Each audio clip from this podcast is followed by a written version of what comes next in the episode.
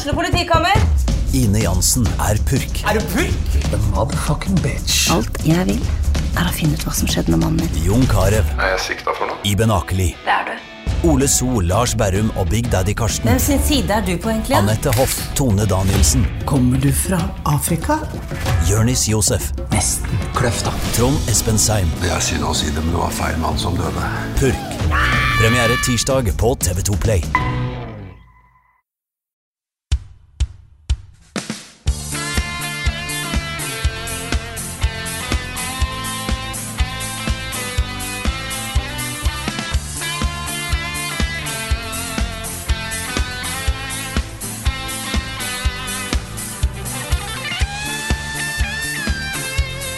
Jeg vet ikke med dere, men jeg, jeg, jeg, får, jeg får ikke lenger sove. Jeg ligger bare våken og tenker på Er Abandoned Final til? Mm. Det her er uh, utrolig spennende føljetong å være med på. Jeg har lyst til å Fordi svare både ja og nei. ja.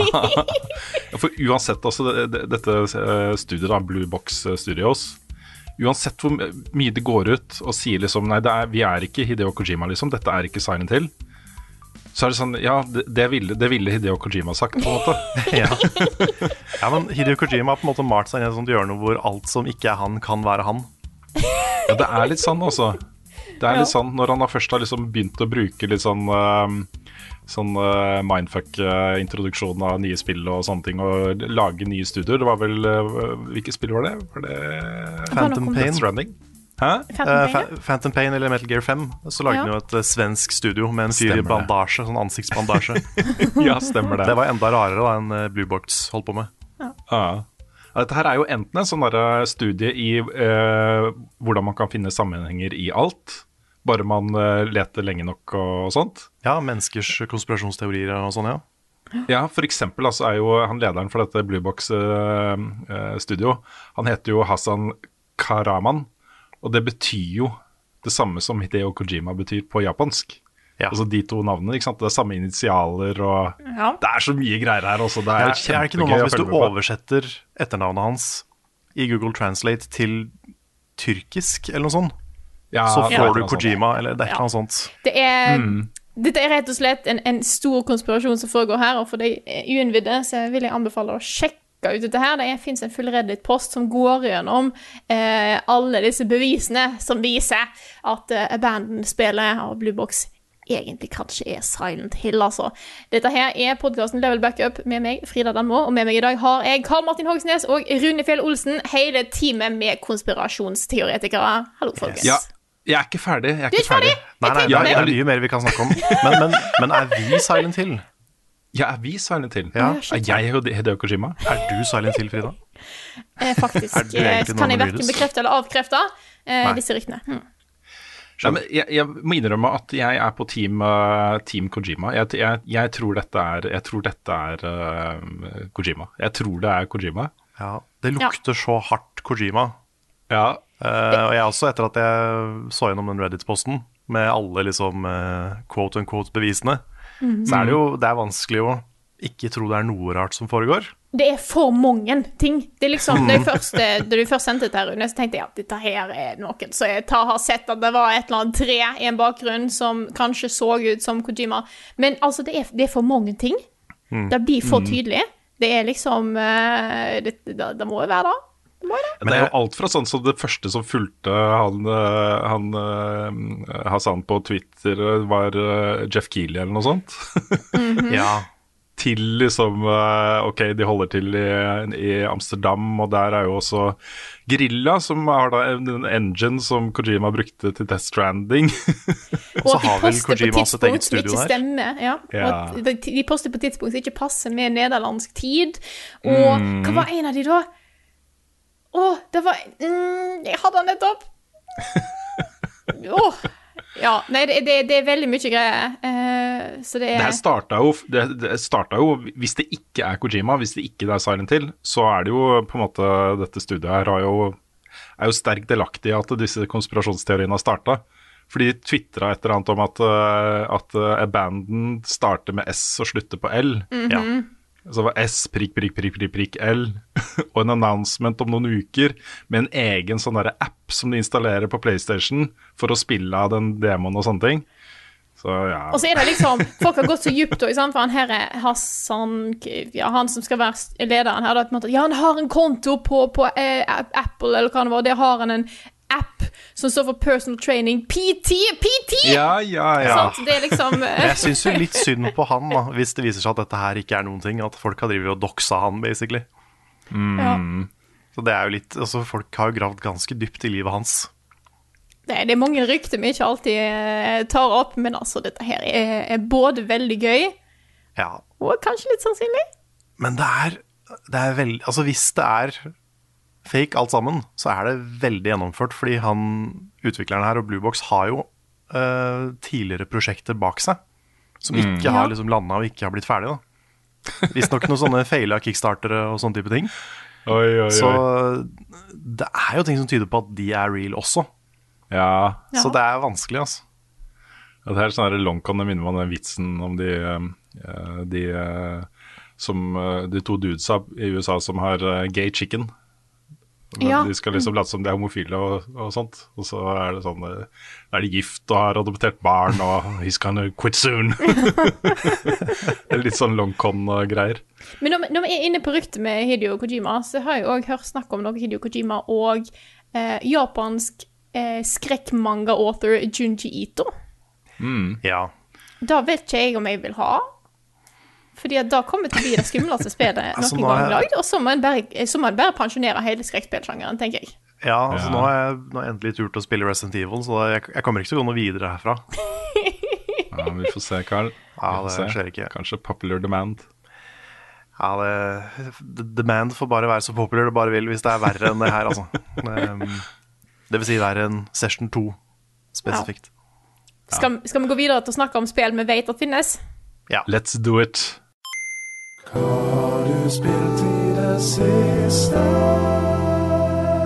Nå kan jo jeg endelig snakke om noe jeg har spilt litt i det siste, nemlig Scarlet Nexus. Dette er et spill jeg eh, har eh, kommet en del timer ut i. Jeg er ikke ferdig. Eh, anmeldelsen kommer litt etter hvert.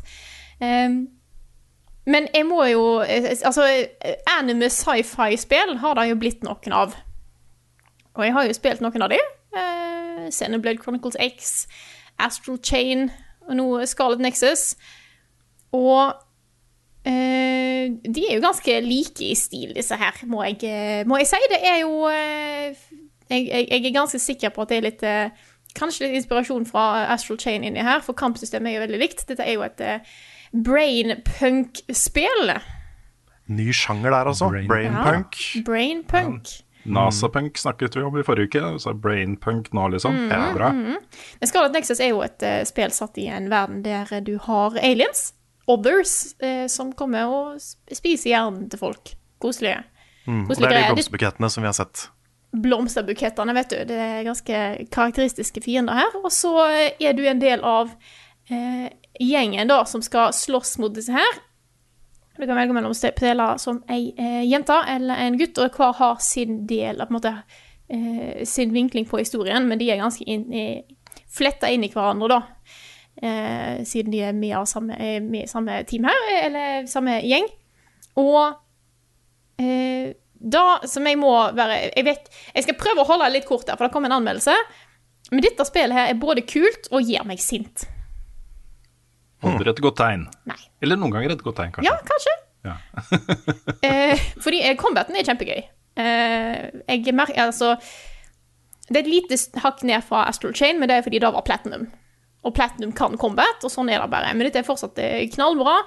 Du eh, farter rundt og slåss mot monster med både egne eh, abilities. Nå spiller jeg som han eh, Yuito, han, han gutten her.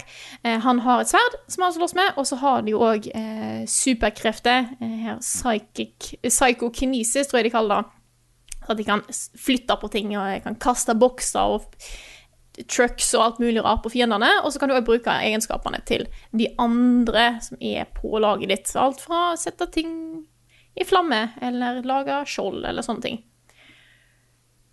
Men jeg er så lei av anime-spill med dårlig historie. Altså, Jesus Christ! Ja, fordi du har, du har fortalt litt sånn off-cam om det spillet her. Eh, Og det, det minner så veldig Det høres så ut som både Code Vein og liksom uh, Valkyria Chronicles 4. Og det er så mange sånne spill i det siste som har hatt skikkelig ræva historie, men kult gameplay. Ja, og jeg, jeg, på et tidspunkt så blir jeg eh, Og det er jo ikke sånn at det, eh, Nå er den historien her verre enn da jeg har vært borti før. Jeg må, jeg må innrømme det. Men det er liksom, nå tror jeg det er litt mye irritasjon over tid i denne sjangeren som, som, som slår litt løs her, da. Så jeg, jeg, jeg Men historien er så dårlig! Uff meg. Helt forferdelig! Det er liksom det er, Jeg har problem med å henge med på hva som skjer. Fordi at disse, disse, altså, disse historiene her er så glad med liksom, De skal lage en twist. Men twisten er egentlig bare at de forteller deg ikke hva som skjer. Ah. Det bare, de, det, det bare skjer et eller annet ting, og så sitter du bare sånn Hva i svarte faen? og så venter de sånn fem timer bare sånn Nå skal vi endelig ha the talk. Og nå skal du Ja. faktisk skjønne, finne ut hva som skjer. Og jeg, det er ikke noe gøy. Er det, er det mye av den der eh, karakterene snur seg og sier 'nei, men hei, er det du som kommer?' Og så blir det mørkt. Å nei, ikke noe sånt. Nei, ok. Eh, For den har jeg sett mange ganger. Den er de verstingene på Kingdom Hearts, blant annet. Ja. ja. Nei, det, det er rett og slett da at spillet prøver på altfor mange ting i historien, men jeg føler ikke de har klart noen av de ennå. Og nå er det, jeg vil ikke dømme det søndag og sammen, fordi at jeg er ikke ferdig med det. Så det kan være at alt vil snøre seg sammen på en sånn fin måte, men det, det, måten det blir presentert på underveis, eh, er ikke bra. Jeg sitter der og er frustrert og sint, og flere ganger så har jeg liksom sittet med hendene på panna og tenkt hva er det som skjer? Hvorfor gjør du dette her med meg? Og det er liksom brainpunk. Ja, men det er min hjerne som gjør vondt. Ja, nettopp. Eh, og det er Det er, det er en, en sekvens Jeg skal prøve å holde dette så spoilerfritt som jeg kan. Eh, 100% her. Men det er, nok, det er en sekvens der du har noen som er på laget ditt, og så er det en cutscene, og nå er den personen bad. Det blir ikke forklart hvorfor.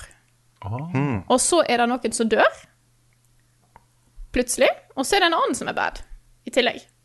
Og så skjønner du egentlig ingenting, og så plutselig så begynner karakteren å snakke noe helt annet, og så sitter hovedkarakteren i meg sånn Vent, hva skjedde nå? Og bare sånn Å ja, nei, du fikk sikkert en blackout. Og han bare OK. Og så eh, går du til Så gjør du noe annet, og plutselig han som er bad, han er nå god.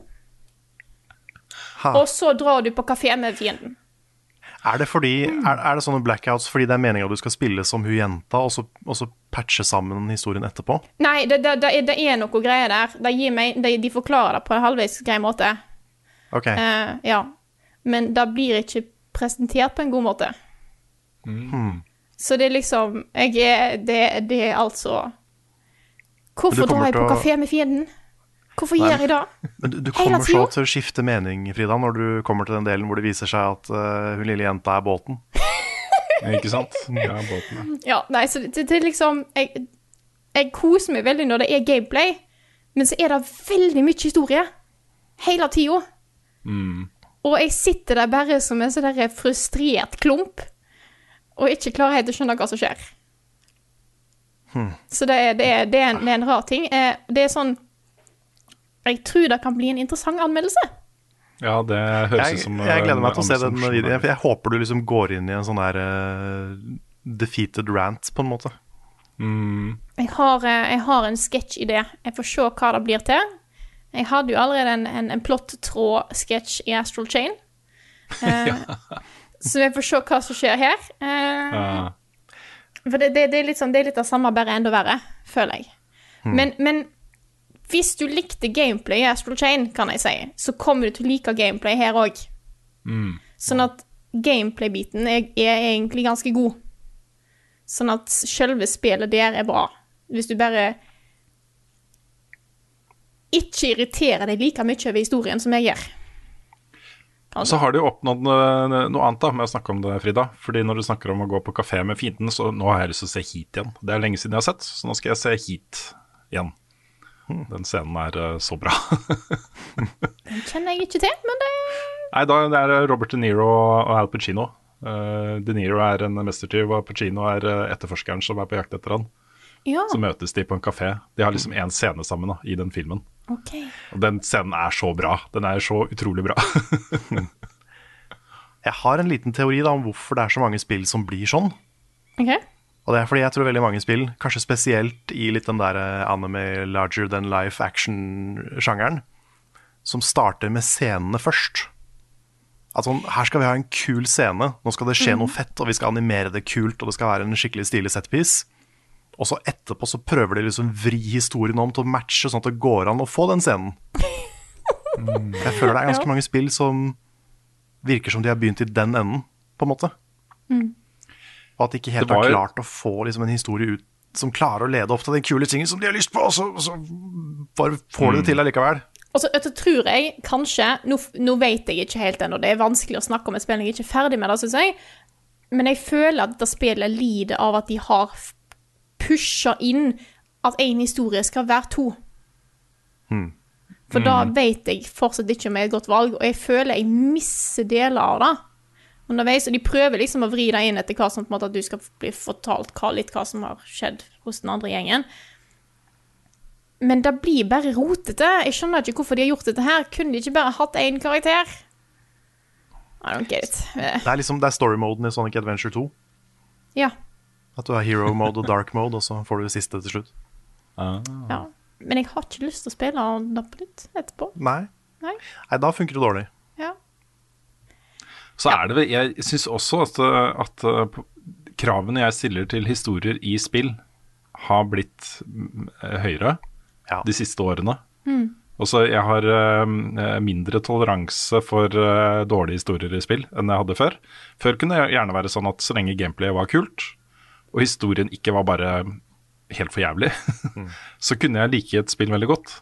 Det er også mange av de spillhistoriene vi har spilt gjennom, og som vi liker, som ikke tåler å bli studert veldig nøye etter sømmene, liksom. Hvis man går liksom inn for å analysere faktisk, den faktiske historien. Ofte ikke de er så veldig gode, altså. Og, nå, og nå, nå, eh, nå vil jeg jeg komme på forkant her før noen sier Ja, men Frida, du liker jo bajonetter. Og ja. Bajonetta-serien har, har historie. Eh, kan, jeg, kan jeg si. Men Bajonetta har mer glimt i øyet også. Ja, og det er liksom det er, det, Og det er på en måte at noen av delene av historien er sånn Jeg vet ikke helt om jeg henger med, men eh, det er kult. Og det er på en måte greit, for da blir jeg ikke Jeg sitter der ikke og er bare Det er helt klart laget for at det skal være kult, og det er liksom Det er mer kule scener enn det er liksom OK, dette bare godtar jeg at det er her. Og det er så mye mer gameplay. Altså Historien er bare en sånn liten bit. Men her er det jeg føler det er liksom 50-50 story og gameplay. Så det er helt klart de har fokusert på den historien istedenfor å bare at en, en, en, en aksepterer at han er der. Og så kan han være opp og ned. Og, men det er mange scener i Bajonetta som er rett og slett bare råkule. Eh, Da vet jeg ikke om jeg kan si om Scarlet Nexus ennå. Dette med å fortelle den type historier, det er liksom så lenge, så lenge man ikke later som man er noe annet enn det man er, og det, det blir fortalt og så er godt skrevet, på en måte, selv om historien er dårlig, at det er godt skrevet med gode rollefigurer og sånt, så kommer jeg unna med ganske mye også. Sånn John Wick-filmene, eh, de nye Fast and the Furious-filmene. Og så videre, hvor eh, altså alle vet at dette er bare nonsens, liksom, men det er kos da, å se på allikevel. Ja, nei, for, så jeg- fordi jeg- Utviklerne av Bajonetta vet at Bajonetta er ridiculous, på en måte, men det er på en morsom måte, og de har det gøy med det. Ja, Ja. og så er det så ekstremt over the top. Så helt enormt. Og da blir det litt sånn festlig i tillegg. Det blir litt, noe litt mer sånn humoristisk og flashy over det. Mens Scarlet Nexus er mer seriøst. Ja. Ja. Så nei, jeg, jeg gleder meg til å se hvor dette går hen. Eh, og så får dere ha litt tålmodighet med meg med, med når anmeldelsen kommer. Det er litt, eh, litt eh, andre ting som skjer, skjer for tida, men eh, forhåpentligvis snart, og, og med en sketsj. Høres eh, veldig bra ut. Yes. Yeah. Ja, jeg kan jo eh, ta over. Ja. Eh, I forrige uke så eh, hadde jeg jo spilt litt demoer fra den der Steam Next Fest, eller Førslippfestival, som det heter hvis du har en norsk Steam-klient. Førslippfestival. Ja, men da var det ett spill jeg missa nå, eh, til på en måte den første bølgen av demoer jeg hadde lyst til å teste. Det er et spill som da endte opp med å vinne pris for beste spill på Tribeca filmfestival. De hadde jo et veldig veldig fint sånn spilløp i tillegg til filmløp eh, i år, og det var rett før etere. Hvor uh, du hadde bl.a. Harold Halibut og uh, masse veldig kjente indiespill. da. og det spillet som vant da pris for beste spill der, heter Norco. NORCO. Og den demoen kom jo også på Steam Next Fest, så jeg satte meg ned for å spille den. og god damn, folkens dette er sjukt lovende også. Dette er et spill jeg gleder meg vanvittig nå til, til, å spille mer av. Fordi det du spiller, er på en måte første akt i spillet, og det er ganske langt. Jeg tror jeg brukte nesten tre timer på å spille gjennom det innholdet i demoen. Og det er en komplett spillopplevelse. Uh, og det er veldig, veldig fokus på historien. Så når resten av spillet kommer, så får jeg liksom muligheten til å finne ut hva som skjer, da. Um, og dette spillet her foregår jo da i um, uh, et uh, lite sånn, uh, liten by utenfor New Orleans som heter Norco. Det er fra et ekte sted. Og det er egentlig et stort oljeraffineri med noen folk som jobber da, på oljeraffineriet, som bor der. 3000 innbyggere eller noe sånt, så det er et lite sted. Eh, med da et sånt svært oljeraffineri hvor det brenner eh, fra disse oljetingene hele døgnet og, eh, og sånt. Veldig godt egna som en sånn sci-fi, eller sånn sånn futuristisk backdrop, da. Litt sånn cyber-backdrop. Dette er et pek og klikk adventure-spill med utrolig, utrolig god penn, altså. Den som har skrevet den historien her. Jeg fikk skikkelig sånn Disco Elysium-vibber av det, for det er så velskrevet og så presist. Hmm. Også nesten litt sånn poetisk i formuleringene. Hvor uh, hovedpersonen har jo da forlatt Norco øh, og reist liksom til California. Um, og uh, litt sånn Night in the Woods-type historie, komme hjem igjen. Men da fordi moren hennes er, har, har, hatt kreft og dødd. Så hun kommer hjem da for å liksom støtte broren sin og hjelpe til med begravelsen og oppgjøre med hus og sånne ting. Men så er, begynner det å skje, uh, skje litt ting. Kanskje, kanskje moren ikke er død allikevel. Hun var i ferd med å etterforske et eller annet mystisk som hadde skjedd ute i sumpene utenfor uh, Norco. Um, det viser seg plutselig at uh, ok, vi er i fremtiden, det er noen sånne androider her. De har sånne robotmedhjelpere. Det var en androide bak huset som bare plutselig var der. Og det viste at det var en som bare hadde dukka opp en gang for noen år siden for å hjelpe til og sånt. Og så skal du liksom ut på byen da, og etterforske og finne ut liksom eh, hva, hva, som faktisk har skjedd. Og møte mye sleazy folk, og må liksom løse litt puzzles og sånt for å komme videre i historien. Men den historien er bare rett og slett så utrolig godt fortalt og spennende. Og det er litt sånn derre uh, futuristisk cyberpunk uh, blanda med litt uh, sørstats uh, og overnaturlige greier og sånt. Veldig, veldig kult, altså. Uh, og ikke minst også veldig veldig stilig sånn pixel, pixelart i spillet. Ha. I tillegg så har det veldig veldig gode puzzles. Hvor, uh, hvor um, du har hele tiden et klart bilde av hva du trenger for å komme deg videre. Og så Du vet at bare jeg finner denne ene tingen, så kan jeg løse opp i den scenen som er her, og så komme videre du slipper å gå liksom fra scene til scene og bare leite hva skal jeg gjøre nå, hva skal jeg finne, osv. Så, videre. så du kan liksom fokusere eh, på historien, da. Og så føler du deg ganske smart fordi du liksom Du er så inni det, sitter med kaffekoppen, ikke sant. Du er så inni det at du, du skjønner greia, liksom. Så Norco, altså. Skriv uh, Noter det. det, det. det, kommer til å uh, få utrolig mye oppmerksomhet når det kommer ut. Helt sikkert. Jeg ser det er masse buzz om det på Twitter og sånt også. Um, den ene store innvendingen jeg har sett, er at folk uh, kaller det litt sånn uh, Litt sånn navlebeskuende At de vet, de vet de er flinke, liksom. Litt sånn uh, flinkis um, Og litt sånn Hva heter det? Pre pretensiøst? Pretensiøst. Det blir kalt pretensiøst også. Hmm. Jeg har ikke noe mot pretensiøst når det er bra, liksom. Når det er Nei. velskrevet og godt gjort, da. Nei, altså det fins jo noen som kaller alt som er litt sånn dypt og undrende, pretensiøst. Så mm. det er jo veldig sånn individuelt hva, hva som er det og ikke. Mm. Ja, fordi Det starter jo sånn den, der, den følelsen som mange kan kjenne seg igjen i, eh, som også Night in the Woods hadde. Det å komme hjem til et sted du har forlatt fordi du ikke tålte å være der lenger, men du må liksom tilbake og konfrontere litt eh, hvor du kommer fra, den type ting. da. Så det starter litt med den følelsen, og så utvikler det seg til å bli en veldig veldig, veldig spennende historie. Og da er jeg solgt, altså. Dette er kjempe, kjempebra.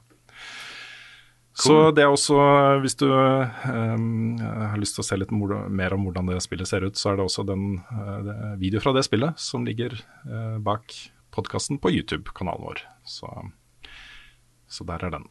Og så har jeg også uh, begynt på et spill som ble lansert denne uken, som jeg har snakka litt om før, fordi det ble vist fram på en pressekonferanse. Jeg husker ikke hvilken det var. Kan det ha vært Game Awards? Ikke. Tenker du på Summer Game Fest? Eller faktisk Game Awards? Nei, nå, for en stund siden. Ender okay. Lilies heter det. Uh, Ender ja. Lilies Quietest of the Nights. ja, det er en stund siden vi så det. Ja, jeg lurer på om det kan ha vært Game Awards. Det kan hende det var Game Awards. Uh, dette, er, dette er jo et 2D uh, Metroidvania Souls-like uh, plattform action adventure-spill. som det har kommet en del av de siste årene. Ligner ganske mye på Hollow Night i, uh, i både combat og utforming. Ja, det så veldig inspirert ut til Hollow Night. Mm.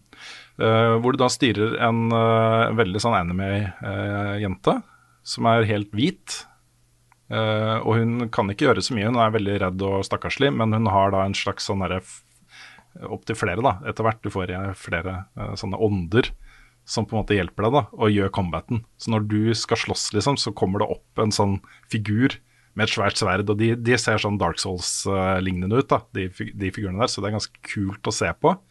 Eh, også veldig veldig stilige backdrops hele veien, liksom. Det er eh, eh, Jeg er veldig veldig glad i designet av dette spillet. Det er, artworket her er eh, dødsbra, rett og slett. Men gameplayet er ikke helt der, altså. Det er øh, jeg sitter hele tiden og sammenligner det direkte med Hollow Night. Og Hollow Night er så mye mer kreativt og oppfinnsomt i gameplayet. Mm. Uh, og, uh, og rewarding i hva du får til, enn dette er. Det er veldig sånn standard uh, standard oppbygging av det, og ikke i nærheten av å være like kult, da. Nei, så, det skal mye til å konkurrere med Hollow Night for min del. Altså. Det er jo på en måte, i hvert fall for meg, da, det beste Metrovania-spillet som kanskje noen gang har kommet ut. Mm. Sånn Ori-spillet er kanskje det eneste som nærmer seg for meg. Når du har spill ja. som er så etablert i den sjangeren, så er det vanskelig å unngå å sammenligne med det. Mm. Mm. Ja, det er helt sant. Så eh, ja, det, det, tok ikke lang tid før jeg begynte å kjede meg litt, rett og slett. Så jeg tror ikke jeg kommer til å, å fullføre det. Kanskje spille litt til, men um, ja, for det, det var ikke en demo, det var fulle spillet er ute? Ja, fullspillet er ute nå. Det koster bare 180 kroner på Steam. Ja, så okay. hvis, hvis, det er en sjanger du er glad i, så er det ting her også. Altså, uh, hvis, uh, dette er jo uh, Du vil kjenne veldig mange av mekanikken her, med å liksom teleporte gjennom fiender for å kunne ta de bakfra. og og sånne ting. Så, og dobbelthopp og oppgradering av egenskaper og Å, nå kan jeg dykke, så nå kan jeg dra tilbake til det vannet der som jeg ikke Ikke sant. Så det er mye den type gameplay, og hvis du liker det, så, så er det vellaga, liksom. Det er vellaga. Det er bare Konkurransen er så beinhard i den sjangeren der. Mm. Og hvis du har spilt uh, Hollow Night og liker det, og har spilt Ori og liker det, så eh, vanskelig også å ikke sette det her opp ved siden av de og si det er ikke like bra. Så ja. And I don't have time for that. Uh, og så vil jeg også bare nevne kjapt at uh, nå har jo den der patchen som jeg har snakka om til Outriders uh, kommet. Nå har de fiksa drop-greiene på Legendaries. og der har det jo vært sånn altså, Det har jo vært Det er ikke sånn at jeg angrer på karakteren jeg ga spillet, fordi jeg hadde et langt endgame som var dødskult.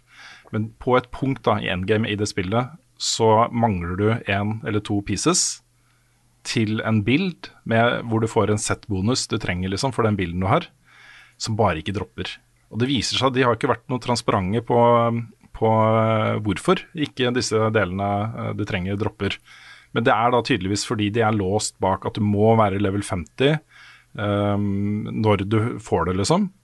Uh, du kan ikke få det liksom i, i singleplayer campaign, uh, fordi da er du liksom maks level 28.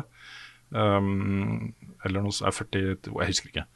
Uh, og du må ta liksom høyeste challenge tier på expeditions og sånt på akkurat den for å få muligheten da, til å få den ene tingen med en veldig lav droppsjanse. Så folk har jo spilt i hundrevis av timer. Vi snakker flere hundre timer, og fortsatt ikke fått den ene pisen de mangler til buildsene sine, ikke sant. Wow. Og det er eh, Det var derfor jeg ga meg, da.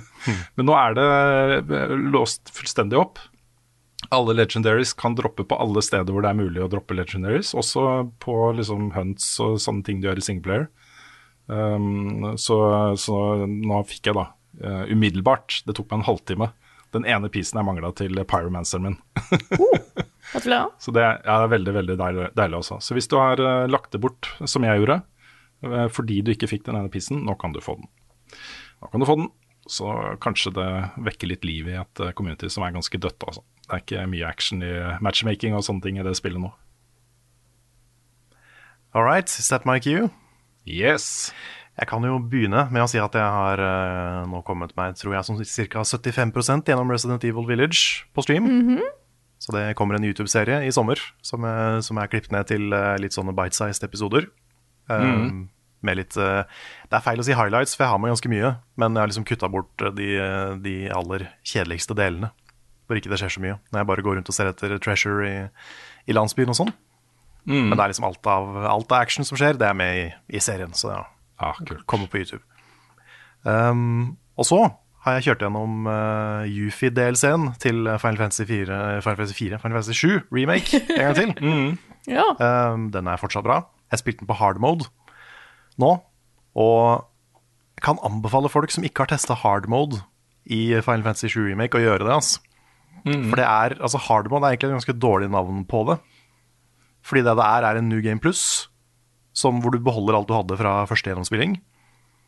Um, du får ikke lov å bruke items. Så alt healing, for eksempel, eh, det, det må du gjøre via magic, da.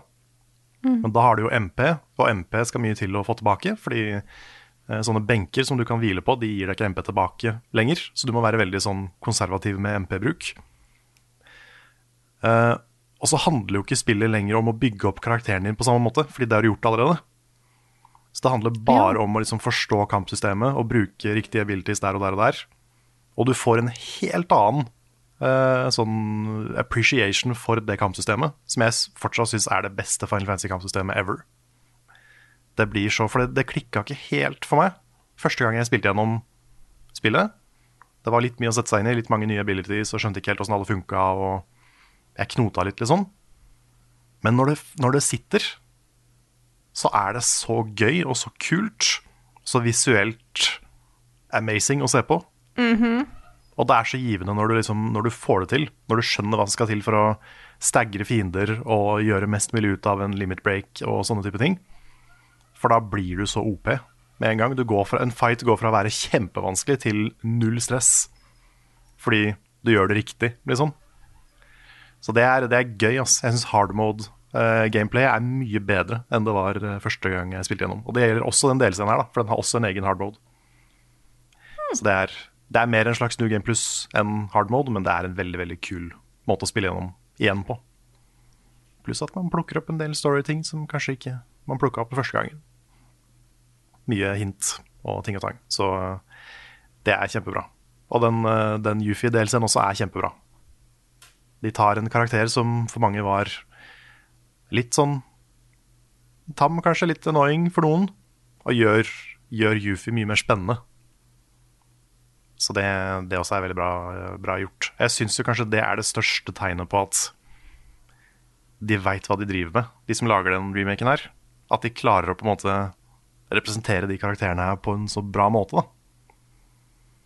Ja, dette er jeg litt spent på, for at jeg eh, fikk ikke verdens beste inntrykk av Yuffie som karakter fra da jeg spilte originalen. Hun var egentlig Nei. mest en irriterende liten luring.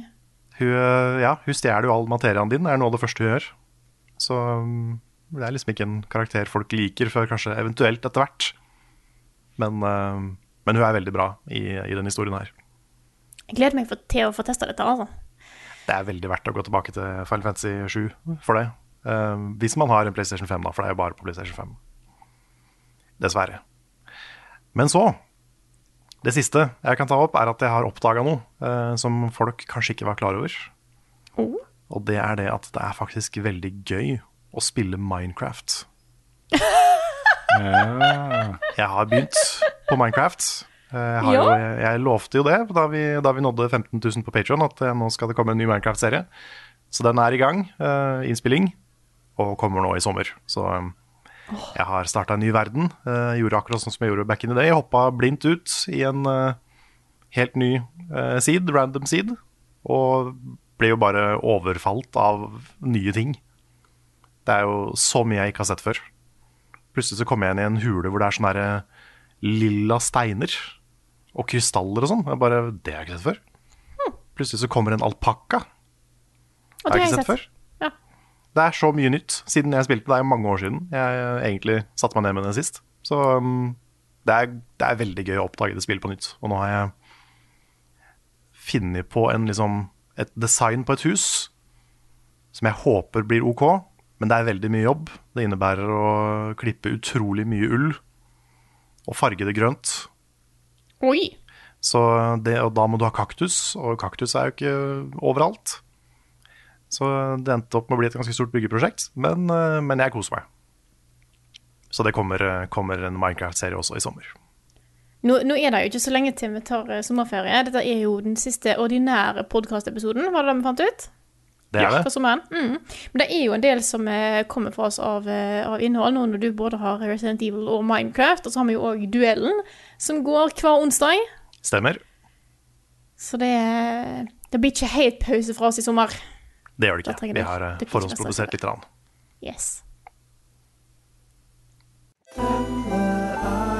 kjempebra. Yes. Ukens anbefaling. Og som en siste anbefaling før ferien, så har Carl en liten anbefaling på lur. Det har jeg, eh, fordi i, i går for oss så hadde Sonic bursdag. Ja. Han ble 30 år. Og i den anledning Så dette er en anbefaling for alle som liker spillmusikk. I den anledning så ble det sluppet et uh, to timer langt uh, symfonisk uh, en, en symfonisk konsert for å feire 30 år med Sonic, og det Fordi du kan si mye om Sonic-spilla opp gjennom tidene, men alle sammen, nesten, har kickass-musikk. Sånn virkelig. Eh, Så det, har, det er liksom første timen er orkester med mye musikk fra The Classics. Og så, eh, etter pausen, så kommer liksom eh, The Butt Rock, som Game Grumps så fint kaller det. Med The Buttrock. Butt Rock, med liksom Crush 40 og med gjestevokalister og alt mulig. Nydelig. Og så kan det være da at det helt på slutten så avslutter de med både orkesteret og, og de. Det kombinerer det på slutten, oi. og det er ganske kult. Så um, det kan, kan varmt anbefales. Ligger ute på YouTube og heter, skal vi se Sonic 30th Anniversary Symphony. Det er to timer langt. Jeg har han faktisk lasta ned på telefonen. Jeg klarte å høre han på toget etterpå. Nice.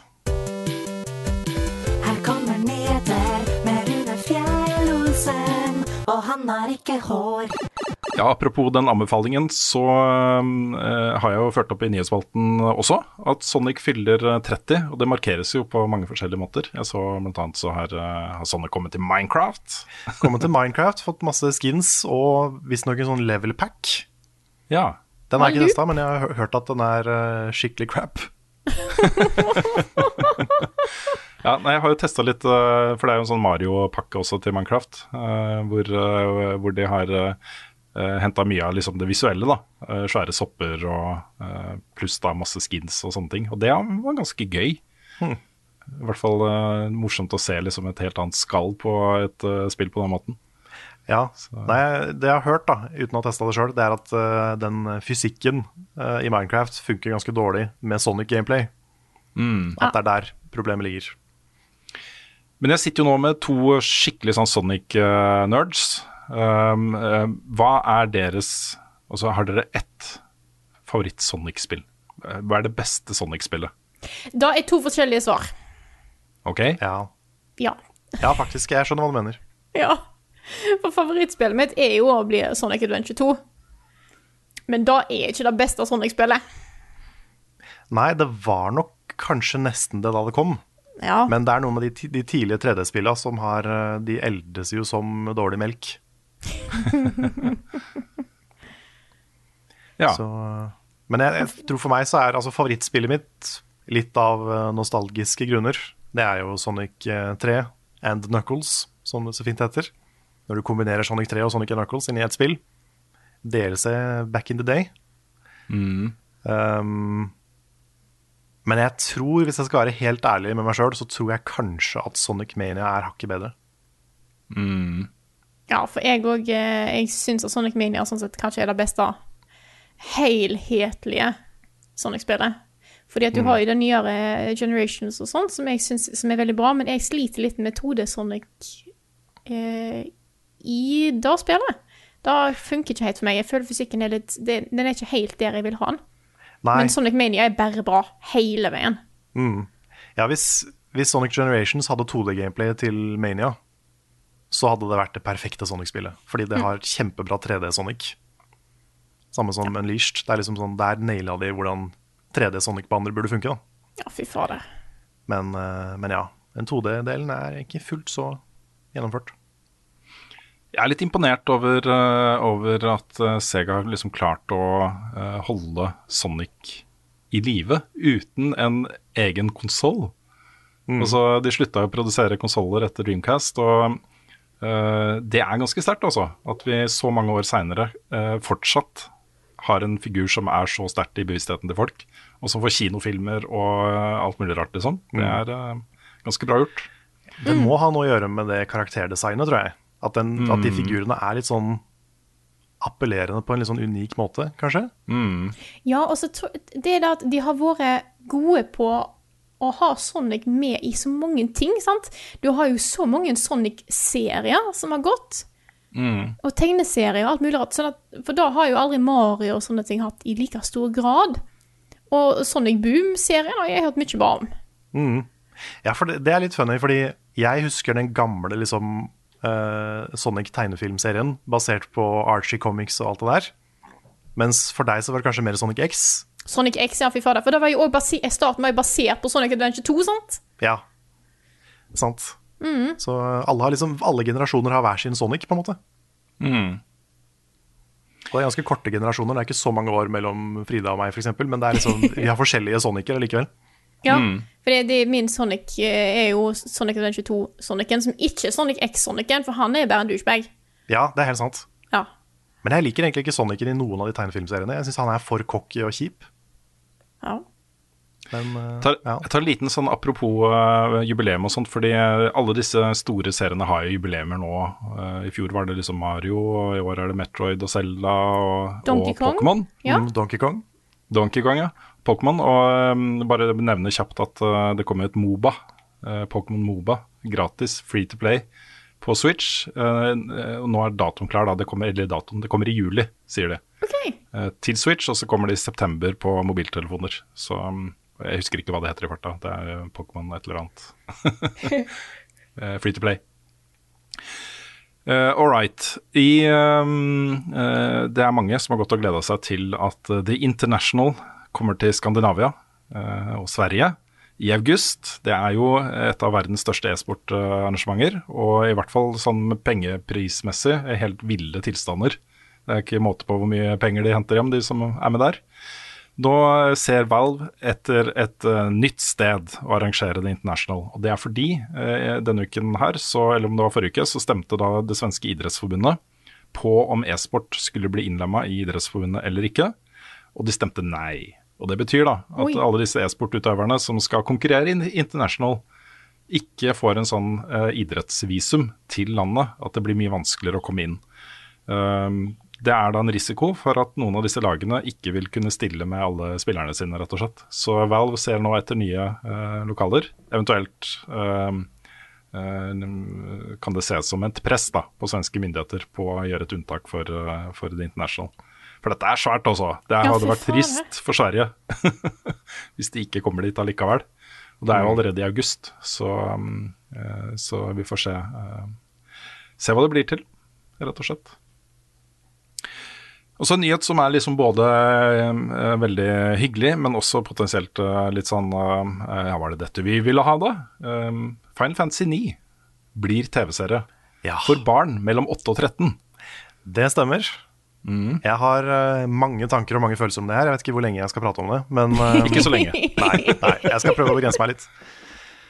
Nei, fordi altså, Final Fantasy 9 har jo en del tematikk som er litt eldre kanskje enn det. Uh, Det er mye krig og død og holdt på å si andre ting. Mye sånne eksistensielle spørsmål og litt sånne store ting. Um, som de kanskje må tone litt ned, da, hvis de skal lage en serie for, unge, eh, for et så ungt publikum. Men samtidig så er Final Fantasy 9 det mest sånn lettbeinte, hyggelige good vibes Final Fantasy-spillet. Det er ikke den der mørke, litt sånn emo-tonen som mange av de hovedpersonene har i de andre spillene. Eh, Det er litt mer sånn happy good gang som skal ut og redde verden og kose seg. Um, og så er jo TV-serier for den målgruppa smartere og mye bedre enn de har vært kanskje noen gang. Når du har liksom nye Ducktales, du har uh, Adventure Time og Jeg har ikke sett så mange av disse her, men jeg har hørt bare bra ting om de. At de er liksom Dette er smart TV for unge mennesker, liksom. Så jeg håper jo at det havner i den bolken der, da, kanskje. At de, at de faktisk liksom tar det på alvor og ikke dummer det ned bare fordi det er for unge folk. Jeg tror jeg har fått et hint da om hva slags TV-serie de går for, uh, når de sier at uh, dette er en god mulighet til å fortelle nye historier i, i dette universet. Så jeg, jeg tenker at de kommer til å ta seg en del friheter og være mer sånn karakterdrevet. At du tar liksom utgangspunkt i rollefigurene, og så lager de liksom sånn mer episodebaserte historier. At de ikke nødvendigvis følger eh, plottet fra spillet eh, 100 da. Ja, ja det hmm. det, det ville vært litt rart, fordi de, de karakterene er liksom ikke Altså, De har jo historier utenom hverandre, men den historien de har med hverandre, er på en måte den historien de har. Mm. Så det hmm, Ja, Vi får se. vi får se. Jeg har også hørt da at, de, at det var det studio som gikk til Square Enix, og ikke Square Enix som gikk til dem. Ja, nettopp. Og det er jo bra, fordi da har de liksom helt sikkert hatt en visjon som de har hatt lyst til å lage. Mm. Så det håper jeg jo er tilfellet, da. Ja. Vi har eh, snakket en del om eh, Facebook sitt oppkjøp av eh, Oculus og integrering i, da Facebook-universet. Hvor du da nå må ha en Facebook-konto for å kunne spille på en Oculus VR-kit. Nå, nå driver de og tester ut annonser. De, driver og tester ut annonser i Oculus Quest i spill. Uh, Kobla da til din Facebook-konto. Eh, det er et selskap da som heter Resolu Resolution Games, som har et uh, VR-spill som heter Blaston, som nå har trukket seg fra den testen, for de sier det passer ikke til vårt spill. Dette er, dette er grunnen til at vi kritiserer, eh, eller at vi er skeptiske da, til eh, Altså, vil man ha den koblingen hvor, eh, hvor det er så åpenbart at, eh, at det oppkjøpet ble gjort for de kommersielle mulighetene som ligger i å på en måte ha litt eierskap til de virtuelle verdenene man befinner seg i. da. Dette er så Black Mirror, sånn der Ja. eh, marerittkapitalisme. Huff a meg. Ja, det si høres ille ut, altså. Oh, ja, nei, jeg får liksom bare sånn så spontane uh, ulyder. Det er liksom da jeg klarer å Mm, Ja, det, det gjør så vondt. Ja, kommer, fordi- jeg, jeg bare venter på den featuren at uh, reklamen pauser når du blunker. ja. Uff a meg. Ja, nei, altså Dette er uh, Jeg skjønner jo at man prøver seg, liksom. Jeg skjønner jo det. Men det her, er- det her er det viktig å si fra, altså. Er, den testen her har jo skapt uh, ganske voldsomme reaksjoner, da. Um, men uh, på et eller annet tidspunkt ikke sant, så må man jo resignere, da. Hvis det, hvis det er en Oculus Quest du har lyst til å spille på VR, liksom, så må du jo bare akseptere de betingelsene som plattformeieren setter for den opplevelsen. Uh, eller velge et annet alternativ. Så um, uh, ja, ikke overraska over at de tester ut annonser kobla til din Facebook-profil i VR-spill på Oculus Quest. Altså, jeg er ikke overraska i det hele tatt. Jeg tror vi må nerfe de der svette folka i Silicon Valley snart. Ja, ikke sant. Vi kommer til å få en liten utfordring eh, med eh, EA Play Live, for nå er datoen klar, og det er da 22. Eh, og i år så er det jo da ti år siden, eh, siden 22. juli eh, skjedde her i Norge. Ja. Jeg er ikke så veldig hypp også på et, et um, kose-talkshow om uh, spillpressekonferanse 22. Nei, juli. jeg tror ikke vi tar akkurat den live. Nei. Nei. Det går jo noen rykter da, om at de, de, de har gått ut og sagt at de skal uh, gjenopplive en uh, elsket serie, og noen hint da om at det kan være Dead Space. Så mm, mulig det kommer en announcement der eh, på det. Og så nevner jeg til slutt at eh, det var et herlig uh, eh, Da var jeg så bare en snutt av det, det er det som ligger ute. Et intervju med George R.R. Martin, et TV-intervju, uh, hvor han da bl.a. blir spurt om Elden Ring. Og Det var så festlig å se, fordi det var en del sånn nuggets av informasjon der som, som er kult, da, hvis du følger det spillet og, og er spent på liksom hva hans involvering har vært. Og Det ene var jo at han kalte det en oppfølger til Dark Souls. It's a sequel to Dark Souls. Ja, han, men, han mente jo sikkert en spirituell oppfølger, men Ikke sant? ja. Men det andre er jo at han sier jo at han var ferdig med sin del for mange år siden. For flere år siden, sier han. Wow. Så det, det, var en, eh, det var noe jeg likte å høre. Fordi ok, da, da ligger der. Og, og det han eh, snakket om, var jo de tingene som vi har mer antatt, da, eh, basert på hva eh, Miyazaki har sagt i intervjuer og sånt. Men han snakker jo om at det han har gjort, er world building. Og han sammenligner det da med liksom eh, Midgard fra 'Ringenes herre' og eh, eh, sånne ting. Da. Han snakker om å bygge en verden, liksom. Å lage law for en verden. Det er jo det vi vil ha fra han, tenker jeg, da. Ja. Så, så det her syns jeg var ganske ålreit å høre også. Uh, hva kommer egentlig nå? Jeg har ikke peiling. Hva kommer nå? Jeg har en wildcard-spalte på lur, eller Carl har en på lur, og som dere hørte av vignetten, så er det ikke quiz. det er ikke quiz. Det er mer en slags, øh, ja, slags diskusjon, vil jeg kanskje si. Ja. Uh, og det dreier seg om et ord, eller et begrep, som vi har brukt flere ganger i denne episoden her allerede. Uh, nemlig ordet anime. Anime. Og jeg føler litt at liksom anime har blitt som konsept litt, litt sånn vanna ut. Du kan si ganske mye forskjellig er anime, eller ikke. Litt sånn avhengig av uh, egne følelser, nesten. Og jeg tenkte liksom hvis vi legger fra oss den derre liksom sånn tekstbook-definisjonen av hva anime er, sånn som at det kommer fra Japan, det er animert, uh, det er vel kanskje bare det som egentlig er definisjonen, men uh, sånn som Netflix Castlevania blir jo kalt for anime ofte, selv om det ikke er japansk.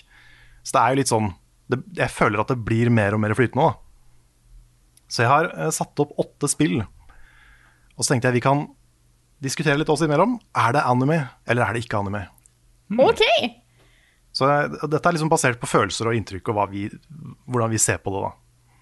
Så vi begynner med det jeg tror er ganske lett. Fire Emblem.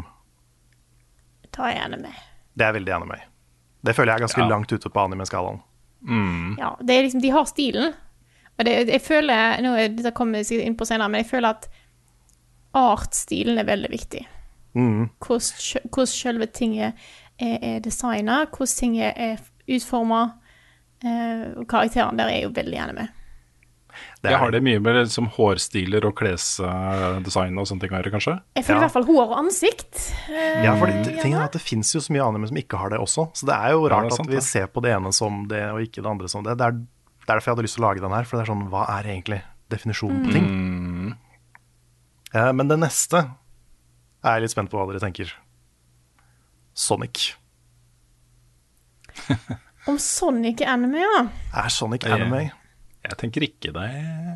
Sonic X er anime, men jeg føler Ja. ikke sjølve Sonic-spillet er det. Nei. Nei, for kanskje det er litt fordi den der, han har litt den der amerikansk-inspirerte attitude-greia. At det føles mer som en amerikansk tegnefilmfigur, nesten. Ja. Jeg vet ikke. Og så jeg eh, Ja, den, det, jeg føler den har så mye mer amerikansk over seg, ja. Det riktig, da. Selv om det er fra Japan. Det er så rart. Disse begrepene. de, de betyr jo ingenting, nesten. Ja, lenger. det, altså, det er mange ting som er fra Japan. Er ikke Resident Evil fra Japan òg, da? Jo, Jo da. jo fordi det, jeg kommer ikke til akkurat den, men jeg kommer til andre ting her. Ja. Eh, Bloodborne. Nei. Nei. Bloodborne er ikke anime. Nei. Jeg vet jeg uttaler anime på mange forskjellige måter nå, det er bare, for jeg er litt forvirra i hodet mitt. Men, men OK, her, jeg har to definisjoner her. Ok? Anime, det er på en måte Det er essensen. Sant? At, at uh, Fire Emblem, det, er anime. Men anime, det er Det er vi, Altså, det er seriene. Å ja, så du har delt opp sånn? Ja. Det er sånn det funker i hodet mitt. Det har jeg aldri tenkt på.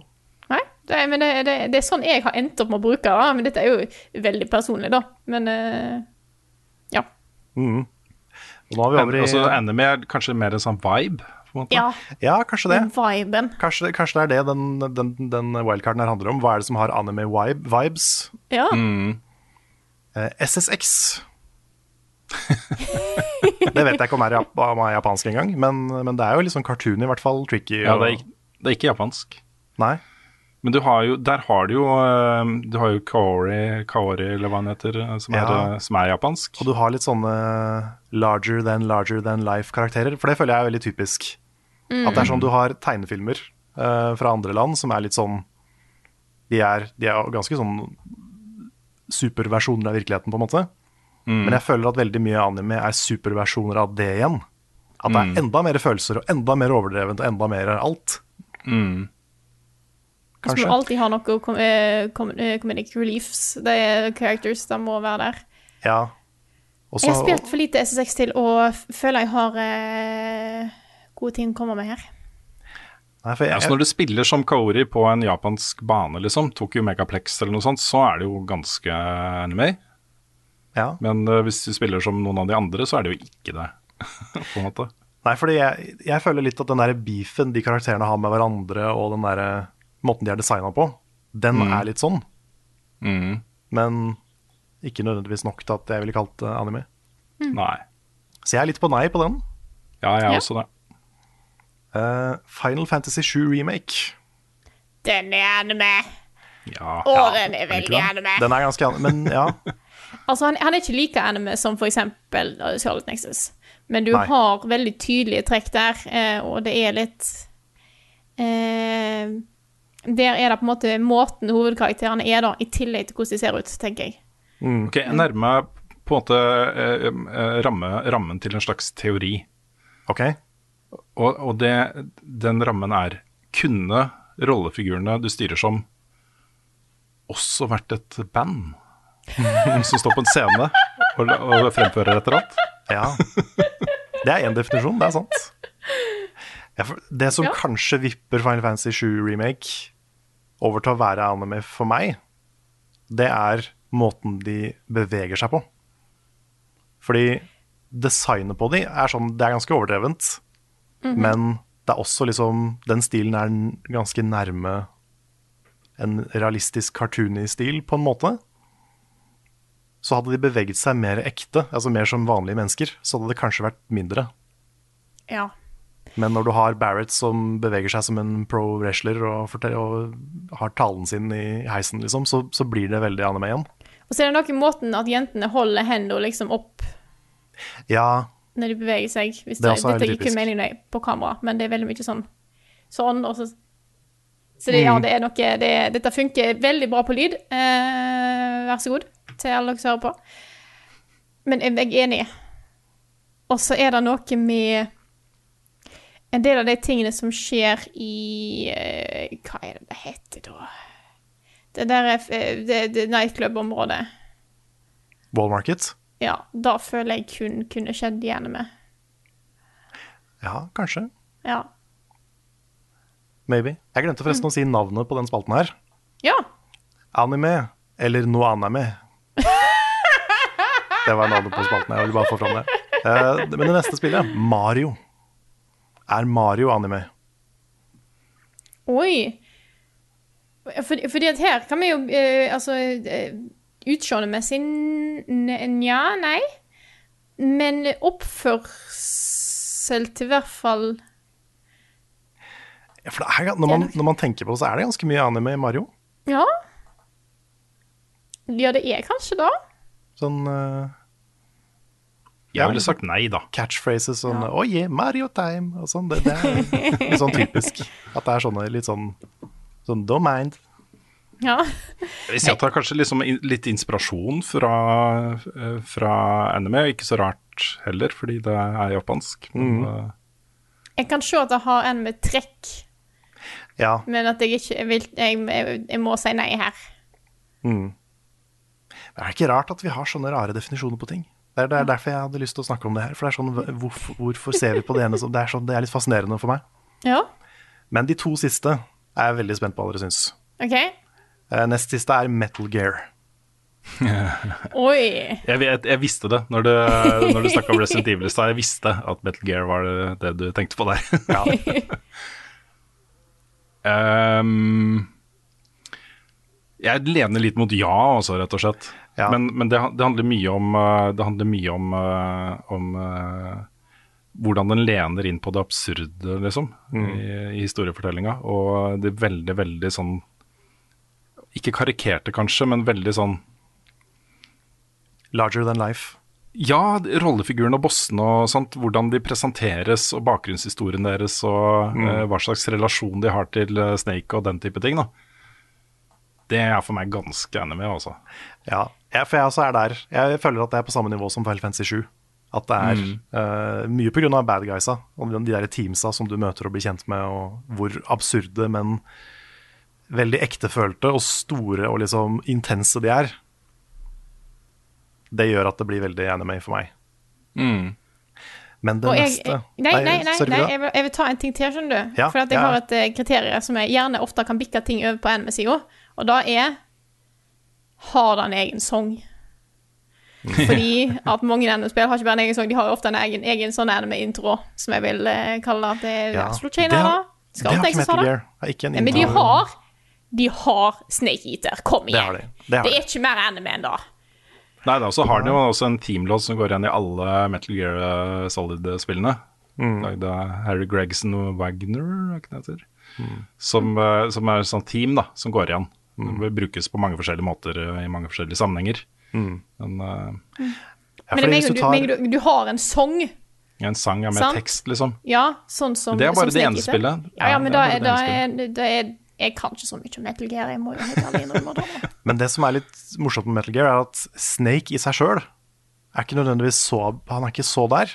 Men det er Nei. settingen han blir plassert i, og karakterene han møter, som gjør at det blir mye mer anime. Ja, Raiden er jo veldig anime. med. Ja, han er super-anime. Det er sant. Men den siste, Da- nå er jeg veldig, veldig spent. Ja. Fordi den, den er ganske knytta til Metal Gear. Death Stranding. Ja, der vil jeg si nei, altså. Ja, for det er rart, for jeg, jeg er helt enig. Men det er litt rart, fordi det er samme utvikler. Samme Altså, nesten alt er likt, men det er bare litt annerledes i settingen. Og tonen, kanskje. Men det føles mye mindre anime. Historien her kunne jo vært Og så hadde det vært en anime-serie. Mm. Så hadde jeg akseptert at det var det, på en måte. Vi har ikke sett mye anime, men jeg har sett nok da, til å vite at ok, spekteret her er ganske bredt. Uh, hva slags type historie som fortelles, og hvor mørke de er, og, uh, og så videre og så det hadde funka fint som en anime-serie, kanskje da med litt mindre pakkelevering og litt mer story. Mm. Men, eh, men eh, ja. Jeg, jeg ser ikke på den som anime, altså jeg gjør ikke det. Nei. Selv om noen av sekvensene er jo sånn som når, eh, når eh, rollefiguren til Mads Mikkelsen presenteres og Ja, sånne ting, liksom. Det er jo veldig anime. Det er det. Ja. Nei, det den, den spalten her var litt sånn Jeg vet ikke om den funka, men den var en litt sånn der utforsking av labels og hva vi legger i de og sånn. Og moralen med historien er kanskje labels er litt rare og upresise. Ja, Ja. det kan være noe i det, altså. Mm. Så som når vi kaller noe et norsk JRPG, hva er det for noe? Ja, hva er det? Et norsk-japansk rollespill fordi det ligner på en type spill som lages i Japan, men som ikke er lagd i Japan. Det, det, er, det er så mye rart. Det er så mye rart vi putter på sjangre og legger i de og, og sånn. Er det Owlboy anime? Ja, det er jo ikke det, per, per definisjon, men, men det ser jo kanskje litt sånn ut. Fordi det er inspirert av pixel-stilen til spill som er det, kanskje. Kanskje. Det er så mye Nei, det rart. er det ja. Mm. Ja. Moral Yes. of the story, det er veldig mye rart. Vi legger så mye rart i ord. Hva er hennes best, hvordan fredag sist har Carl egentlig sopp? Ukens spørsmål. Vi fyrer løs med spørsmål fra Mattis Hjelmerud. Han spør, sånn som mange andre har eh, spurt om tidligere, så jeg tenkte vi skal ta det ta det nå. Jeg har ikke en Switch, men jeg har veldig lyst på en, så jeg vurderer å kjøpe en.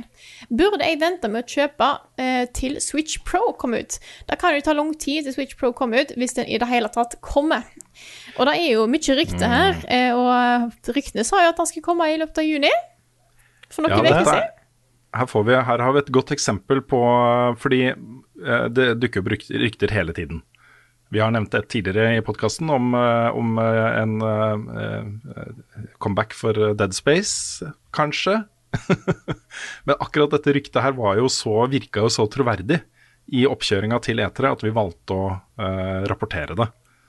Uh, og det som skjer da, er jo at jo flere som rapporterer om det, jo mer sant blir det, på en måte. Når det da ikke kom noe announcement før E3 eller på E3 om Switch Pro, så tenker jeg OK, kanskje, kanskje det ikke er noe i det? Kanskje ikke det er noe i det allikevel? Jeg tror jo fortsatt at det er noe i det, men at det bare kommer seinere. Fordi det er liksom Ja. når det er Jason Schreier og Bloomberg, og det er liksom sjelden de tar feil, da. Mm. Um, men at det kanskje Kanskje bare er utsatt. Kanskje de bare venter. Altså, tingen er da at hvis du ser på det økonomisk her Switchen har vært den bestselgende konsollen i verden i månedsvis. Mm. Trenger de å komme med en ny en nå, økonomisk sett? Nei, det kan hende. Det er derfor ikke det har kommet nå også. Fordi det har gått så bra. Derfor så har de venta. Hvis det er sånn at de planlegger å gi ut en Switch Pro, så er det, er det grunnen, rett og slett. Da de vil eh, selge uh, flere vanlige Switcher uh, først. Og så er det jo heller ingen spill som har kommet ut til Switch ennå som man tenker at her burde vi hatt en Pro. Også De funker jo på Switch, og det på en måte man aksepterer at det er sånn de skal se ut og, og sånt. Så Hyrule Warriors kunne hatt seg en liten upgrade, altså. Var- Iron Warriors burde hatt en Switch Pro. Ja. ja, kanskje. Ok, ok. Men eh, ja, utenom da, eh, så er jeg enig. Så um, ja, hvis det, hvis det er noe som heter Switch Pro, så tenker jeg at de kanskje har linka den opp mot f.eks. oppfølgeren til Breath of the Wild eller, eller noe sånt. da. Noe som på en måte er med på å um, drive salget av en ny plattform. eh, hvor man kan få med seg kanskje mange Switch-eiere til å oppgradere fordi de har lyst til å spille det i en høyere oppløsning eh, eller bedre framerate eller hva det skal være. da. Så um, ja. Ja, jeg lever fortsatt i trua om at eh, Switch Pro fins, men at eh, vi kanskje ikke får se den før tidligst langt ut i neste år. Ja, da kom, han kommer ikke i år, og jeg vil tippe da eh, sensommer, høst neste år, hvis det kommer. Så det er vanskelig å si hva en skal anbefale her. Det spørs jo litt hvor, eh, hvor gira Emil eh, er på det, men jeg tror det fortsatt kan være en god stund til Switch Pro kommer. Mm. Ja, det tror jeg også. Så er Du har jo jo sånn at- massevis av bra spill på, på Switch. Ja. Ja, ja, ja. Og det er, det er jo bare, som vi nevnte, Hyrule Warriors som ikke kjører så bra. Um, utenom det så kan du jo Nesten alt du spiller på Switch, er jo en bra opplevelse, liksom. Mm. Absolutt.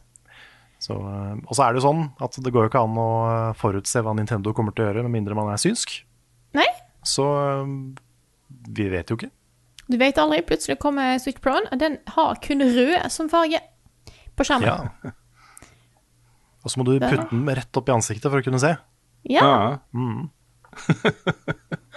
Nei, det går jo allerede rykter om at, eh, at eh, det vil bli lansert en ny versjon av PlayStation 5.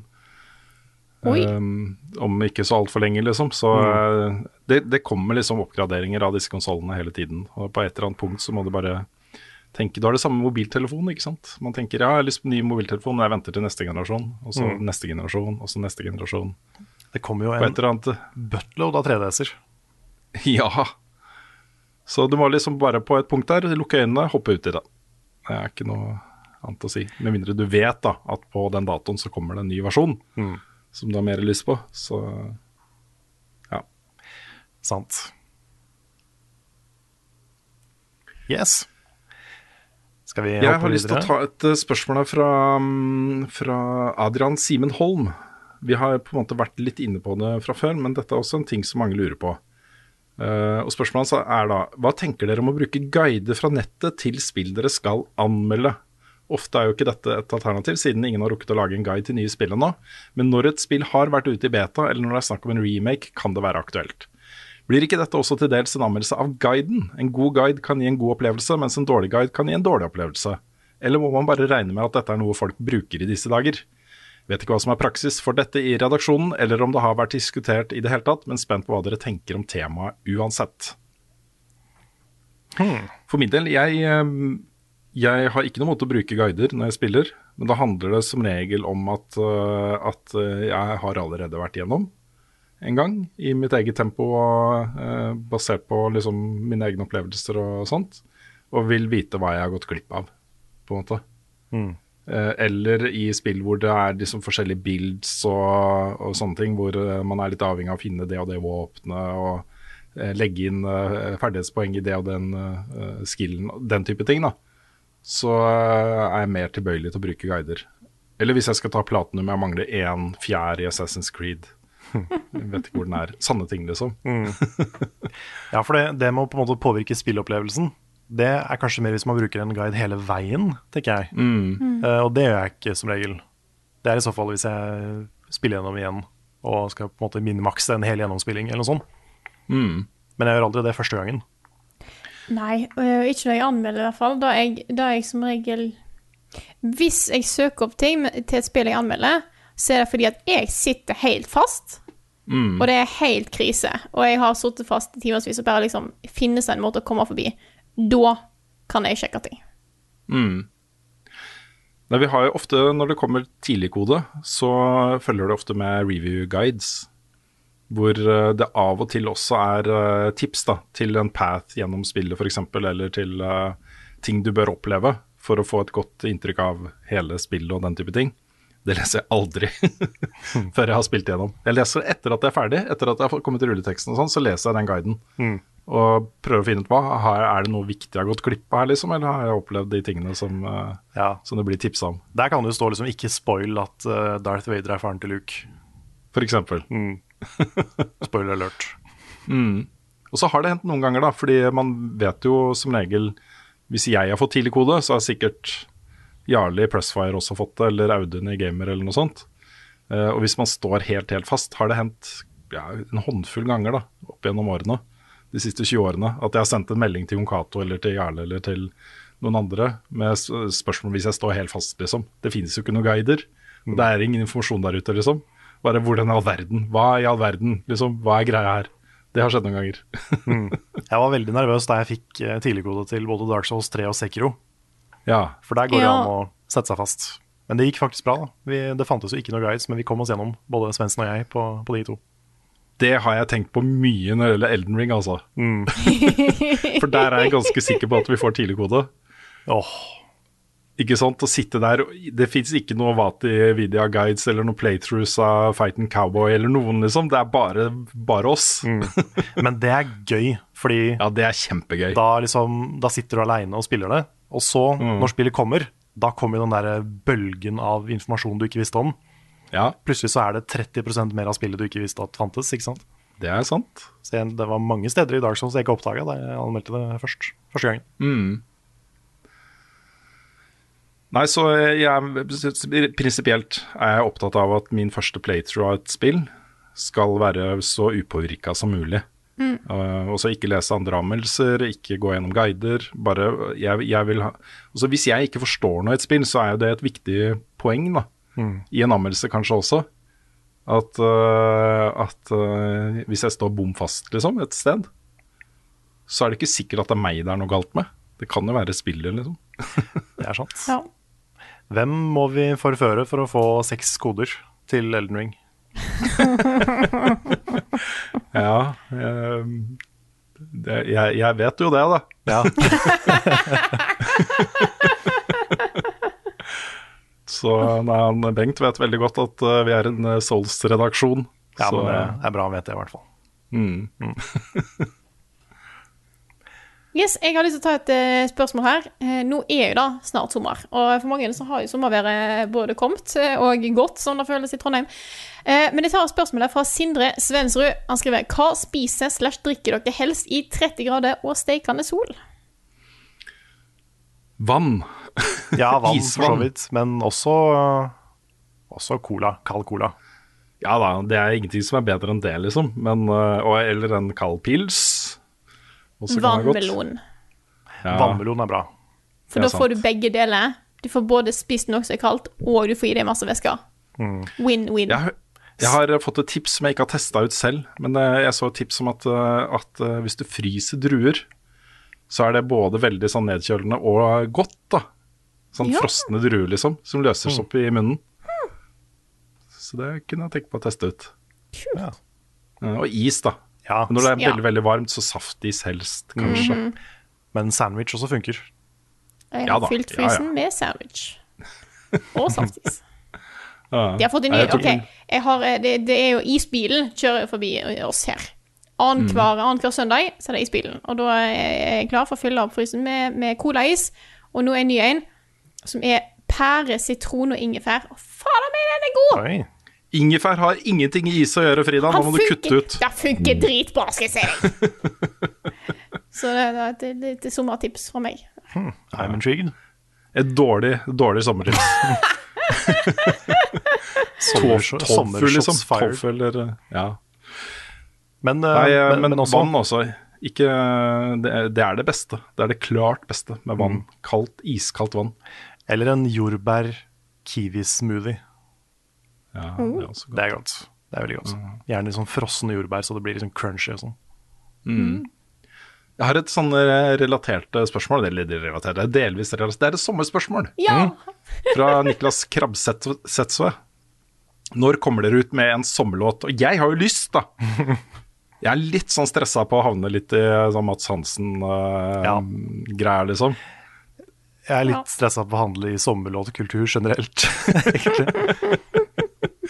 Ja, nei, vi har jo lagd, vi la, lagde jo en låt under pandemien som vi Ja, slapp. vet ikke om vi kan kalle, si at vi lagde den, men vi, vi framførte den. Vi framførte den, det er sant. Mm. Så vi har jo sunget på eh, liveshows og gjort eh, ting der. Vi har hatt egen musical-episode, til og med. Så det er ikke helt far-fetched, altså. Vi kjenner jo til og med musikere. Norwegian Thunderboys har jo tilbudt seg å lage en låt med oss. Ja, Og jeg, vi lagde jo en låt i Destiny-anmeldelsen min sist, med, med Cato. stemmer det. Det er litt kult også at jeg har lagd en låt Jeg har jo ikke lagd den, da, men fremført en låt hvor, uh, hvor uh, Cato har lagd eh, musikken. Nei, det, er, det hadde vært veldig gøy. Men med det, det, er noe, det er noe felle der vi ikke må havne ned i. Ja. Mm. Den peneste av jentene på Noobs. ja. ja, men det måtte vært noe sant, ikke sant. Ja, det hadde blitt kleint, men det kunne vært, kunne vært gøy også. Ja, Kunne vært det må gøy. være veldig bra for at det skal være gøy, tror jeg. ja. Ja. Det, um, sånn er det ofte, men, men ja. Jeg kan ta et uh, sommerspørsmål, jeg også. ja. Fra Jon Magnus Restad. Hvilke spill tror dere blir deres personlige sommerspill i år? Og for meg så er det Jeg skal spille gjennom uh, originale Originale remake, holdt på å si. Originale Final Fantasy 7 remake-historien på PlayStation 5. Det har jeg ikke gjort ennå. Bare spilt uh, Yuffie-delen. Og så blir det nok tatt. jeg spiller Skyward Sword når det kommer. Det blir nok et sommerspill. Det er Jeg vet ikke hvor mye tid jeg har til gaming i år. I sommer. Så øh, jeg har ikke planlagt noe, egentlig. Nå blir det på en måte i ukene fram til jeg tar ferie i midten av juli, så blir det noe å fullføre Scarlet Nexus og kanskje spille litt uh, Yuffie DLC. Uh, og jeg skal jo ha meg Skyward Sword. Der skal jeg jo. Um, men jeg vet ikke om det blir så mye spilling i selve ferien, egentlig. Det er så mye andre ting å tenke på. Jeg kommer nok til å pusle litt med Destiny og kanskje Outriders, hvis jeg får med meg noen på det.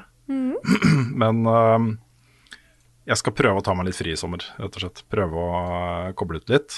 Um, det har vært mye Har de siste månedene, og det kommer til å bli en utrolig intens uh, høst for oss. Med ukentlige liveshows på Eldorado og masse andre spennende ting som skjer med greiene våre. Ja, det er mye vi ikke kan snakke om, men som vi gleder oss til å snakke om, som skjer til Ja, høsten. det kommer til å bli uh, veldig, veldig bra. Uh, men det kommer et par spill da, i sommer som, uh, som jeg kommer til å kaste meg over uh, umiddelbart. Det ene er jo Death's Door, som kommer i juli. Ja. Ja, stemmer, da kommer noe, ja! Carcass Souls. Oh. Ja, og så er Stå eh, fortsatt Little Devil Inside står fortsatt med dato juli. Jeg tipper nok det ikke blir juli, da, siden det ikke har kommet noe mer konkret ennå. Men det er et sånn type spill som bare plutselig kan eh, dukke opp. da gleder jeg meg til. Så, så det er nok to, to, to ting jeg kommer til å spille i sommer. Som, eh, som blir bra. Men jeg må også innrømme da at helt siden vi så den traileren fra Elden Ring, så har jeg vært sånn herre ja, jeg har så lyst til å spille et, eh, et FromSoft-spill igjen. Det har stått og sikla på liksom alt fra, fra Dark Souls remake uh, remaster til uh, Sekiro og alt, liksom. Bare n- dykke ned i et FromSoft-univers igjen, liksom. Så kanskje det blir nok til det. Det er sjelden feil, det. Det er sjelden feil. Åh, det er så vanskelig å ta platinum i Dark Souls Remaster, altså. Det er så mye du må gjøre. Du må jo spille eh, med samme karakter til New Game Plus 2, Ja. Eh, For det første. Og for det andre så må du jo ha alt av eh, magic og, og sånt. Og det er, ikke, det er ikke så lett å farme um, souls i det spillet som i de andre Dark Souls-spillene. Så det er veldig sånn tidkrevende. da Det å liksom farme opp nok souls til å tømme inventaret til alle vendors og sånt. Mm. Så den har jeg stått fast med en stund, altså. Vi får se. Kanskje. Kanskje i sommer. Mm. Men kan jeg OK, jeg har lyst til å nevne en ting, da. Ja. Jeg hadde egentlig tenkt å vente, men jeg klarer ikke. ja. Vi skal få hund. Ja, det I skal sommer. I sommer. oh, det, er, så, da blir det så skal koselig spille for hund. dere, da. Ja, jeg, jeg er fortsatt jeg svever på en sky, liksom, fordi vi fikk vite det i går, da. At eh, ja, det er en valg til oss, en tispe i det kullet som vi har gått og sikla på nå i, siden april. Så um, eh, det har vært veldig uklart da, om det var det eller ikke, men nå fikk vi beskjed om at eh, 15. juli cirka, så kan vi dra og hente, hente hunden vår. Åh, Åh, det blir så kos! Det blir veldig bra. Det, ja, dette er en dansk-svensk gårdshund. og Av, av de mange tingene som er bra med den rasen, så, så er det at de elsker å sove inntil mennesker. Elsker det. De elsker det! så um, ja. Dette, her, dette er stort for meg, altså. Det er skikkelig, skikkelig stort. Og det er uh, det, det å ha en hund i livet mitt igjen, liksom, det er Ja. Det, det, åh, det, er, det blir så kos, altså. Det blir så bra. jeg blir så glad på dine vegne, for dette er jo noe du har snakket om så lenge. Ja. Og så har det vært en stor, stor sånn modningsprosess, da. Fordi jeg vet jo det er sjukt mye arbeid, særlig første året. Det blir som å få en baby igjen, liksom, som bæsjer og tisser og skriker natta. og opp på natta og alt det der, liksom. Så, um, så jeg har vært veldig usikker på liksom om, uh, om um, uh, jeg orker, rett og slett. For jeg vet jo at mye av det ansvaret her kommer til å ligge på meg, selv om dattera mi er sånn ja, dette skal være hennes hund. så ve- vet jeg nok at det blir mye jeg som plukker opp bæsj og går på tur tidlig på morgenen og står opp på natta og alle de tingene der, liksom. Så, Men uh, jeg, jeg vet samtidig at, at den positive effekten en hund har i livet eh, til folk, da, kommer til å veie opp for det, altså. Det er, det er eh, vanskelig å være utafor når du har en hund i livet ditt, rett og slett. Så eh, ja. Her blir, jeg blir nesten, jeg blir nesten på gråten, for det er, det er så koselig. Det er så koselig. Det blir veldig kjekt for ungene dine òg, tenker jeg meg. Ja, det blir kjempebra. Ja. Så det blir, det blir jo min sommer, da. 15. juli, siste halvdel av ferien, blir hund. Kos. Gleder meg til å vise den fram. Åh, ja. Du må sende masse bilder. Åh, de er så søte, de hundene. Det er sånn perfekte hunder. For jeg ville helst ha en litt større hund, da. En som er mer hund. Enda mer hund. Eh, mens kona helst vil ha en sånn no, veskestørrelse, liksom. Ikke det at hun vil gå med den i veska, da. Men uh, så liten som mulig. Hun vil helst ha en katt, ikke sant. Så vil ha. så uh, vi har blitt enige om et kompromiss, da. Så denne her er sånn mellomstørrelse. Så, en Fin, fin hund. Og den ser ut som en hund. Det er Jeg ikke har, noe sånn derre ja. jeg har hørt veldig mye bra om den rasen. Mm. Det er en veldig god sånn by, byhund. Den krever mye mosjon. Det, det, det som blir utslagsgivende, er at eh, ok, den tre, trenger mye sånn mye være ute. Du må aktivere den mye, liksom. Den må finne på ting, og den elsker å bli dressert og alle disse tingene her. Og den vil gå på tur og oppleve mye og sånt. Men når den er, gjør det, når den får mye eh, aktivitet og sånt, så er den veldig rolig når den er hjemme. Så det er tipp topp. Da blir kos. Det er bare til å eh, oppgradere eh, lagringsplassen i eh, der du får skylagring der du lagrer bildene dine. For da måtte jeg Ja. ha gjort det to ganger etter jeg fikk den. Ja. Da blir det plutselig veldig mye mer aktivitet på Instagrammen til Level Up og sånn. Ja. Ja, vi får se. Jeg ble veldig aktiv da ungene ble født, men jeg har liksom moderert meg litt etter hvert, da. Så, Men det fine med hund er at du slipper å forklare til hunden hva du har gjort når de blir eldre. Ja. Det er sant. Mm. Det er sant. De kan ikke komme og arrestere meg på alle de Nei, de blir ikke Eh, flaue når de er voksne, liksom. Nei, de gjør ikke det. Nei, men da blir kos for deg, Rune. Det høres ut som det blir en eh, fin sommer i vente for oss eh, alle tre. Oh yes. Og med det skal vi ta runde av i dag, eller? Det kan vi gjøre. Ja, kan ikke jeg få ta et spørsmål til, da? Ok. Et lite et. Et kort et. Okay, da. Fra Fredrik Norum Johansen, som spør bør man spille gjennom alle Souls-spillene før Elden Ring kommer ut i 2022. Og svaret på det er vel nei. Nei, det er ikke noe, eh, det er ikke noe sånn tydelig grunn til å gjøre det. Annet enn at Nei. hvis du har lyst til å spille FromSoft-spill, det er jo det er jo verdt å gjøre det. Men, eh, Mm. men, men ja. Du får et lite inntrykk til kanskje av hva du har i vente. Ja. Altså Grunnen til at jeg ville ta det med, er fordi jeg ser det er så mange uh, av folk som følger oss, da, eh, og har hørt oss snakke varmt om disse spillene nå i mange år, som etter at de så Elden Ring-traileren, så er det OK.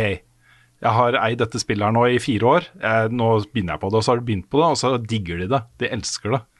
Så eh, hvis du tar det som et lite push da, på å komme deg inn i et uh, fantastisk spillunivers, så, så go ahead, liksom. Det er mye kult der. Sannsynligvis så blir det som meg. Da begynner du på ett, så vil du ta de andre også. Um, men det er ikke, absolutt ikke nødvendig. Jeg tror Elden Ring tvert imot kan være et bra sted å begynne for mange. ja, det tror jeg òg. Den åpenheten og muligheten til å løse ting på forskjellige måter. Mm. Det er nok eh, kanskje en lettere terskel.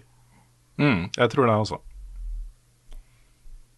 Da får jeg lov nå? Går det, går det greit? Ja, det er helt greit. All right. OK. Det kommer nok til å komme, for, for de som lurer på siden jeg satt i den siste ordinære episoden av podkasten vår før sommeren, så kommer det nok til å komme litt ting etter hvert. Ja, skal vi si hva det er, eller? For vi har jo bestemt oss for hva det skal være. Ja, Ja. Det gjør ikke noe, det. vi kan, kan, vi kan jo si det. Ja, nei, vi, skal, vi skal neste uke spille inn fire episoder. Um, oss tre pluss Nick, hvor vi skal gå gjennom våre topp ti all time TV-serier. Yes. Pluss komme med litt sånn sommer, eh, sommeranbefalinger og sånt. Det blir litt kortere, kortere episoder enn vanlig, skal vi prøve på i hvert fall. For vi skal spille inn fire av dem på en uke. Men uh, vi snakker så mye om TV-serier i, uh, i podkasten fra før, og er opptatt av det, liksom. TV-serier er uh, de beste, liksom nesten på nivå med de beste spillene, for meg i hvert fall. Absolutt. Så uh, det her blir den ultimate, da. Topp ti TV-serier. Og i fjor hadde vi jo topp ti spill, all time. Så det blir jo en slags eh, oppfølger av det. Og så skal også Nick prøve å lage en soloepisode igjen. Og den var så morsom, den forrige han lagde. Ja, det var kjempebra. Så det kommer til å komme podkast sannsynligvis da hver eneste uke, selv om vi har eh, ferie. Yes. Så da tar jeg outroen.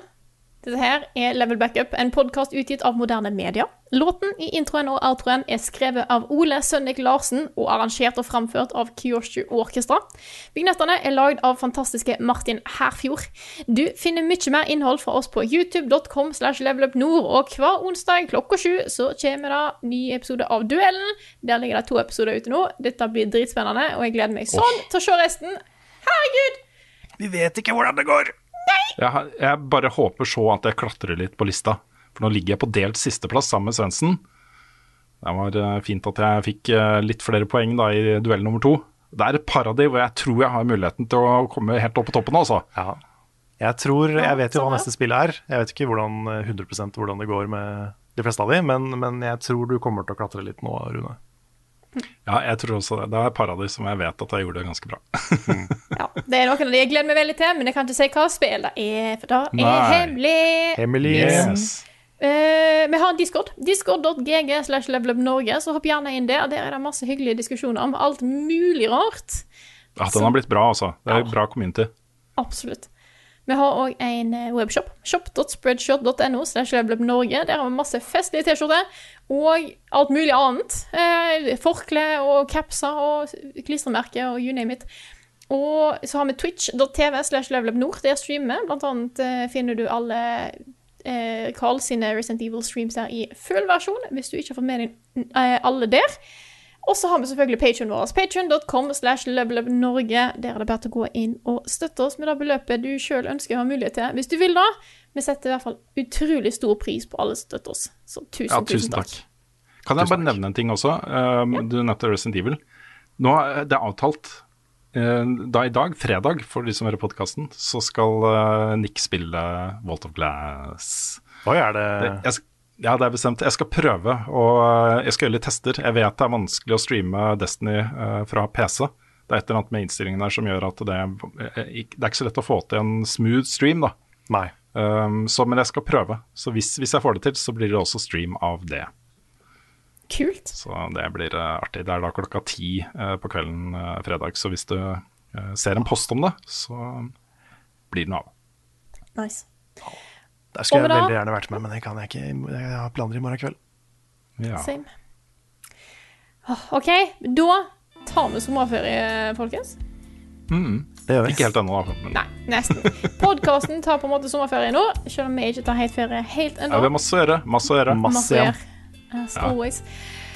Og med det så sier jeg god sommer til alle dere som hører på. Kos dere masse i finværet. Spis masse is. Det er viktig for, eh, for sjel og, og helse.